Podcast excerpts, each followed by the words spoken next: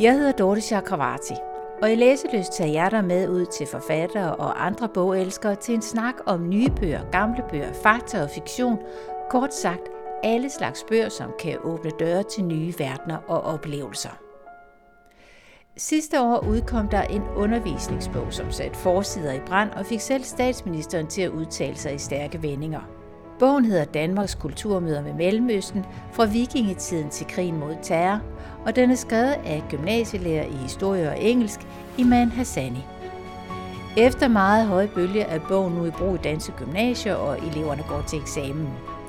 Jeg har talt med forfatteren for at høre mere om den postkoloniale teoretiske baggrund, som hun bruger i sin bog. Og så selvfølgelig også for at finde ud af, hvad Iman Hassani selv læser. Og så stille spørgsmålet, hvorfor vagte hendes bog så meget fred?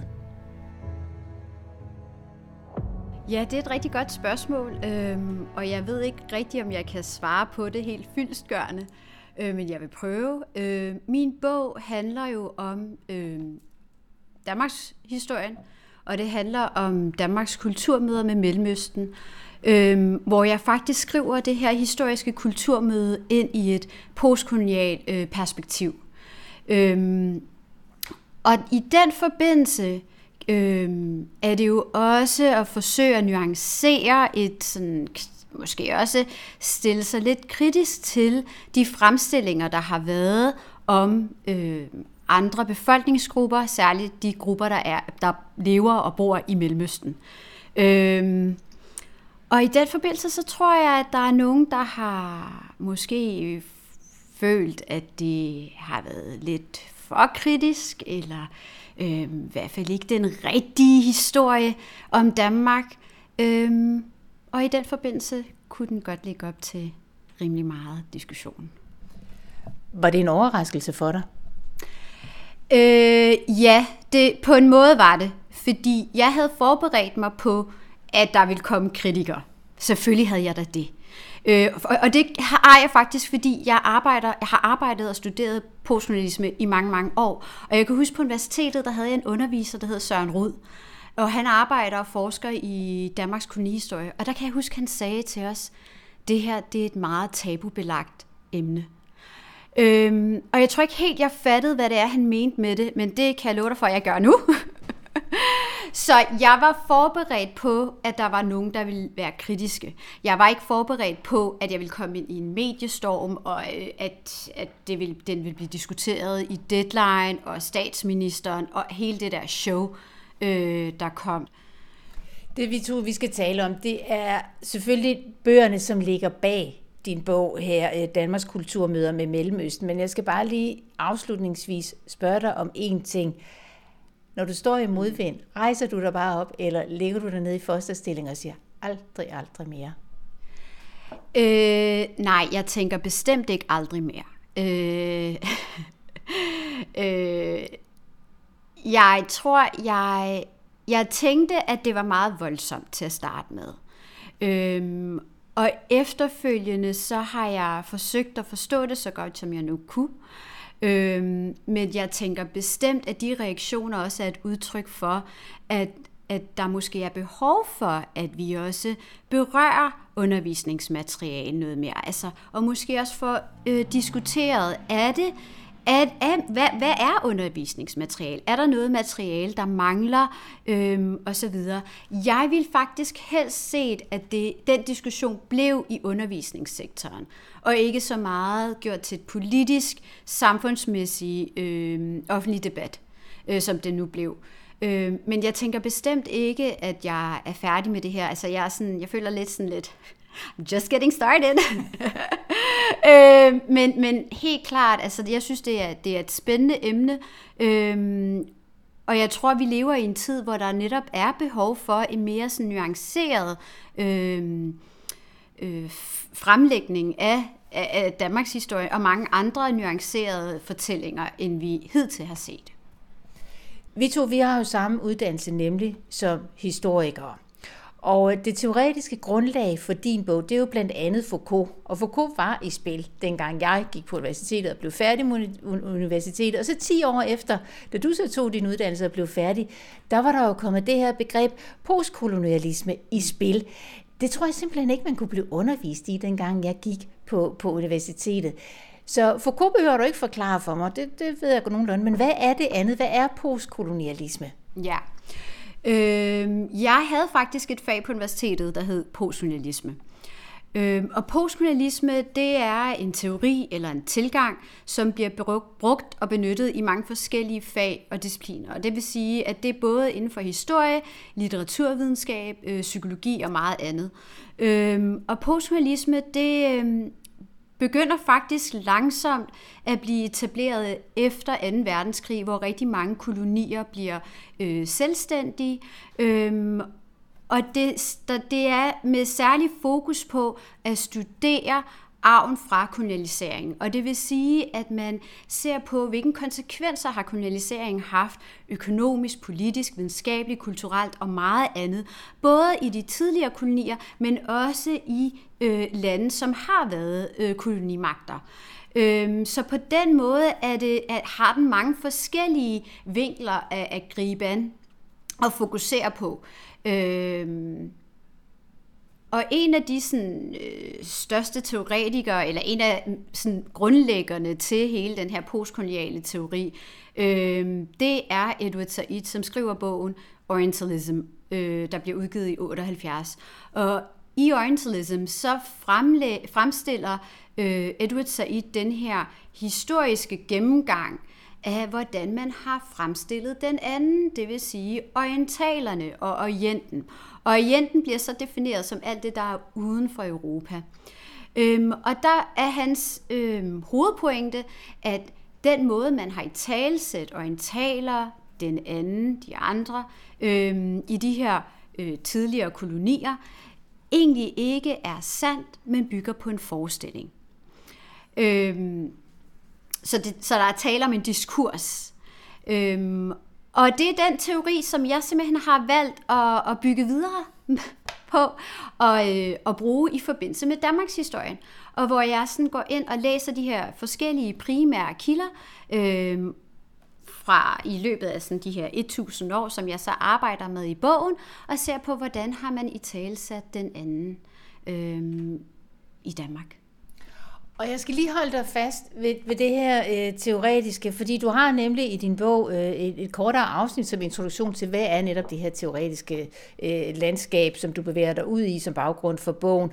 Og der er der det her begreb at provinsgøre Europa. Mm. Hvem er det, der har skrevet det, og hvad betyder det?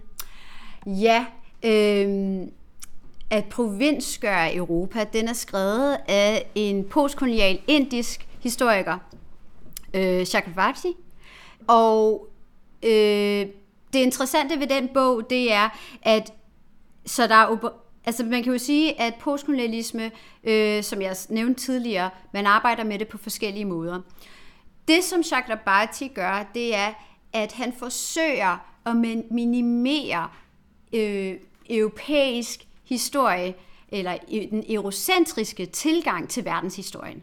Så for, for på den måde, så, så når han siger, at øh, at gøre Europa til en provins, eller provinsliggøre Europa, det er, at når det kommer til øh, kolonialisering i Indien, så skal englænderne helst ikke fylde mere end inderne. Så skal faktisk indernes beretninger, oplevelser, erfaringer øh, fylde mest. Øh, og i så fald, så skal de ikke øh, marginaliseres i historiefremstillingen. Men hvorfor, hvorfor er alt det her relevant i, i 2020'erne? Mm.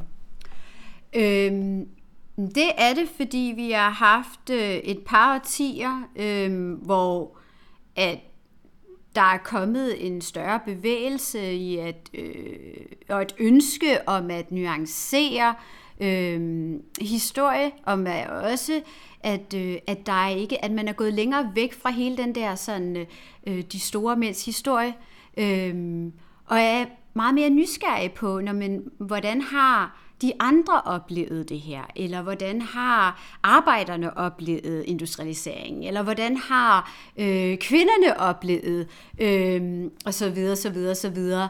Og det er jo for at netop at udfordre den der øh, fastlåste, statiske, øh, historie, historisk øh, idé om, hvad det er, der er foregået.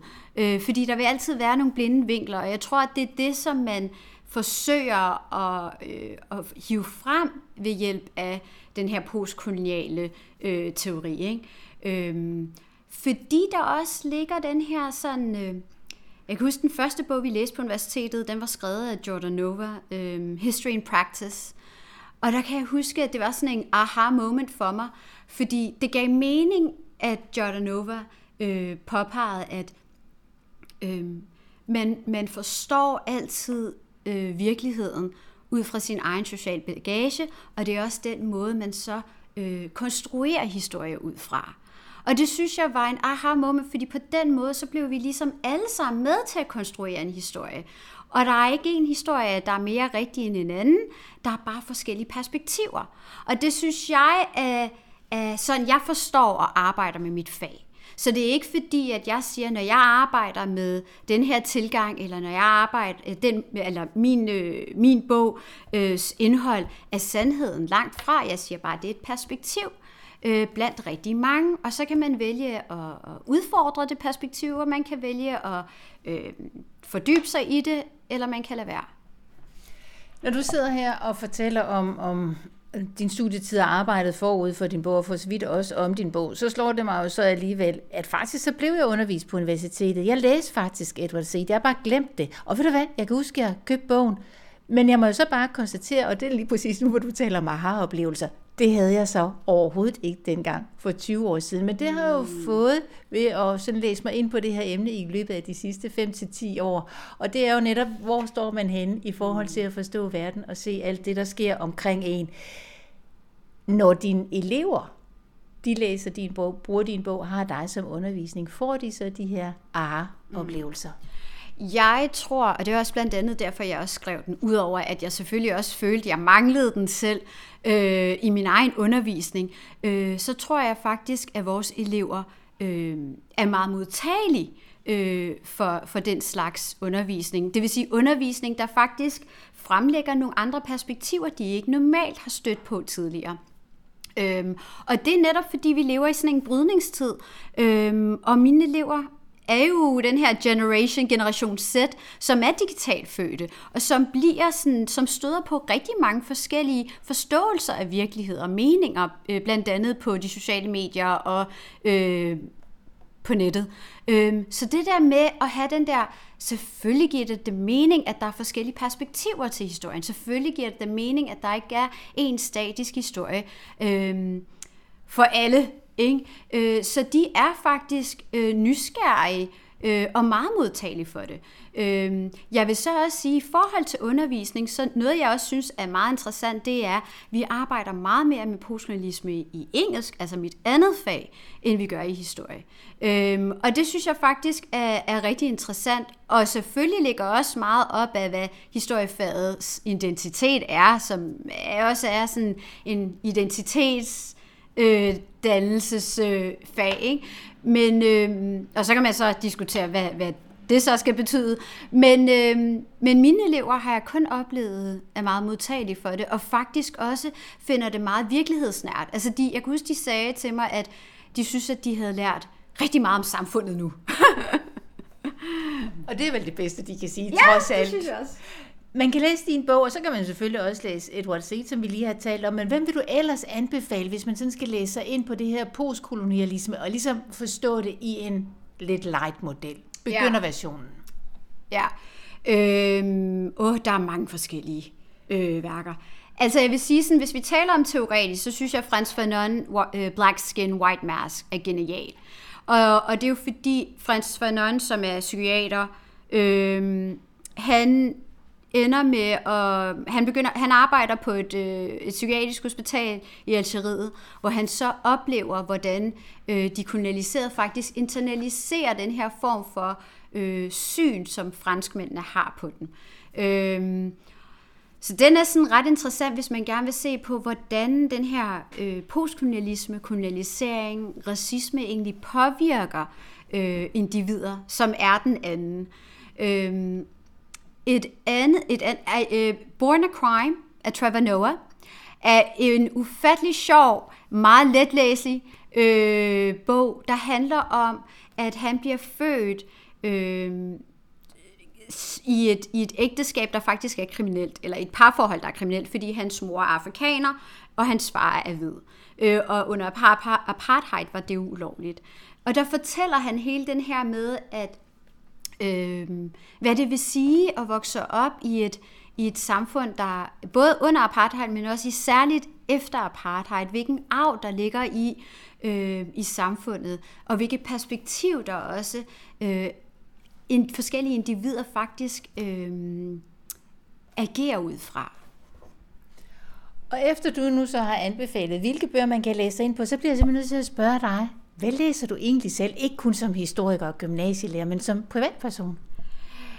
Øh, jeg læser meget forskelligt. Jeg kan rigtig godt lide øh, bøger, der er sådan øh, eksistentialistiske. Øh, og jeg det er et meget interessant spørgsmål, fordi jeg, jeg, jeg tror, jeg er meget nysgerrig på mennesker og mennesket, og så bliver jeg drejet af en rigtig god titel. Så jeg kunne huske at læse Thomas Korsgaards bog, kun fordi, at han, den, der, den sidste, han havde lavet, han havde skrevet, man skulle nok have været der. Fordi jeg synes, det var sådan en, oh my god, det er da en meget fin, det var den fineste titel, jeg nogensinde havde stødt på. Øhm, men jeg vil sige, hvis jeg skulle at, øh, Lige i øjeblikket så læser jeg faktisk øh, Abdurazak Gurna, øh, Paradise, der foregår i Tanzania. Øh, det er ham, der har vundet Nobelprisen. Da du selv gik i gymnasiet, som jo for rigtig mange af de her formative år, hvor der viser sig en, en ny verden, og det kan være indsigt netop i teori, eller i litteratur, eller i matematik, eller noget helt fjerde. Var der så nogle bøger, som fik særlig betydning for dig? Altså, jeg må ærligt indrømme, jeg var ikke den store læsehest i gymnasiet. det var jeg ikke. Men jeg kan huske, at vi læste Doris Lessing øh, Five, tror jeg, den hed. Og den synes jeg var mega god. Øh, og det er sjovt nu, at jeg også selv meget vild med hendes øh, værker, og bruger dem rigtig meget i undervisningen. Så, så ja, men desværre øh, læste jeg ikke helt vildt meget i gymnasiet. Det er fantastisk, du siger det, for ved du hvad, jeg har nemlig tænkt med Doris Lessing, jeg har aldrig læst noget af hende, som jeg aldrig nogensinde, og nu er jeg begyndt at spørge folk, sådan, at, øh, tror jeg, holder hun stadigvæk, og er det noget at, at kære? Men det skal jeg. Ja, hun er, hun er virkelig dygtig. Hun er virkelig, virkelig dygtig. Fantastisk. Jeg skal videre, men du det aller, aller sidst. Nu skal du anbefale en bog. Det skal ikke være din egen, men en bog, som du har læst for nylig, og som du også vil sige, den skal du have fat i. Hvad skal det være for en? Jeg synes, en rigtig god bog, som både er klog og sjov, af Brunmands byrde, skrevet af Hassan Preisler. Og det er fordi, jeg læste den faktisk med den, fordi jeg var nysgerrig på, om han nu virkelig ville kunne øh, skrive det narrativ, som, og hvad, hvordan det er at være den anden i Danmark post 9-11. Ikke? Øh, ja, han taler så godt nok også om sin barndom, men altså... Øh, og det synes jeg faktisk, han gør rigtig, rigtig fint. Øh, og det er også derfor, jeg også har et uddrag med øh, i min egen bog, øh, som jeg bruger i forbindelse med Frans Fanon, Black Skin, White Mass. Øh, jeg synes, den er morsom, jeg synes, den er klog, øh, og handler i bund og grund om, hvad, der, hvad det vil sige at være et racialiseret menneske i Danmark. Og det synes jeg faktisk, han, han beskriver ret fint. Det var anbefalinger ud i teori og skønlitteratur fra Iman Hassani, som altså har skrevet bogen Danmarks kulturmøder med Mellemøsten. Hun er gymnasielærer, men driver også den anden historie, som du blandt andet kan følge på Instagram. Og så lige en sidste ting. Da mikrofonen var slukket og pakket væk, så sagde Hassani, ej, jeg glemte jo Dorte Nors. Hun er god.